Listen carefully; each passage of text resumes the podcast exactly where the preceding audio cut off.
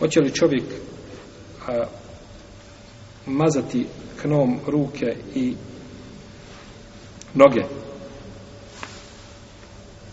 Od evo vrijeme se prenosi da je viđen jedan ili je doveden jedan dvopolac poslaniku sallallahu alaihi ve selleme a on ofarbao svoje ruke i noge sa knom.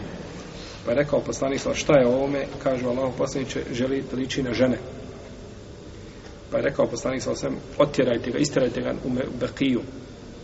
Pa je rekao, pa su kazali, Allah poslanik će ga nećemo ubiti. Kaže, inni nuhitu, an katel musalmin. Kaže, meni je zabranjeno da ubijam klanjače. Meni je zabranjeno da ubijam klanjače. I ovo bilo žije Budavud sa dobrim ili sa ispravnim lancem prenosilaca.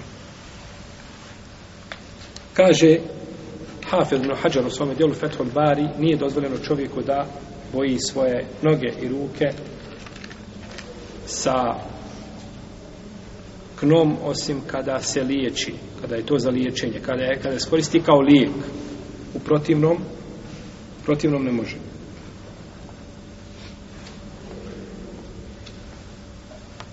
Imamo hadis kod Ebu Davuda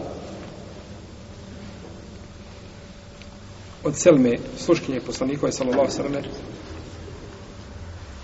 kaže, nije niko dolazio poslaniku sallam da bi se požalio na nešto od, od, da ga boli u glavi, da ne rekao poslani se učini hijjam. A ako bi se poželio da ima bol u nogama, kaže ofarbaji, misli se saknom, jel? A to je zašta? Za liječenje, kao lijek. On žali se od bola u glavi, kaže, eh, teđem, obavi hijjamu. Obavi hijjamu. A ako su noge boljele, kaže, namaži sa knom. Imamo hadis da je Abdurrahman ibn Auf došao kod poslanika, svala sveme, nakon što se oženio, oženio ženu Ensari, koja na njemu tragovi žutila.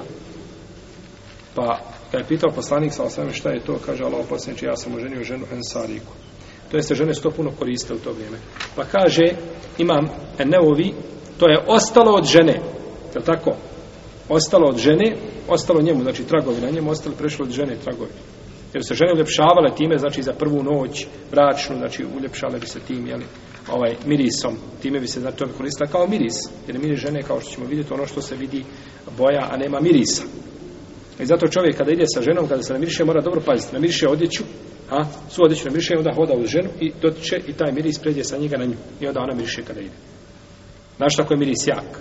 To je znači, mora se paziti ruke ako namiriše, pa nju uzme za ruku ili uzme je za odjeću i tako dalje, a onda ostaje miris znači na to je, toga se treba paziti, ako ona to nije namjerno uradano, međutim, desit će se belaja, to je znači što ovaj može izaći žena na ulicu, na ulicu namirisana. Kod Arapa ima običaj da se muškarac prije prve noći bračne tako namože ruke i noge. Pa je to, to znači zbog toga su oni upozoravali i govorili znači o tom propisu.